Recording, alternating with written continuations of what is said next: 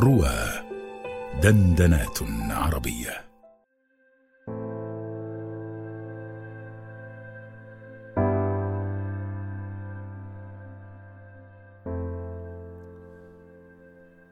من مبلغ بكرا وآل أبيهم عني مغلغلة الردي الأقعس.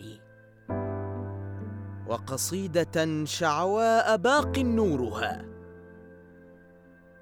تبلى الجبال وأثرها لم يطمس.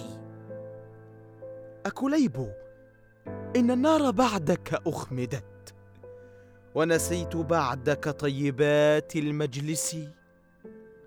أكليب من يحمي العشيرة كلها أو من يكر على الخميس الأشوس.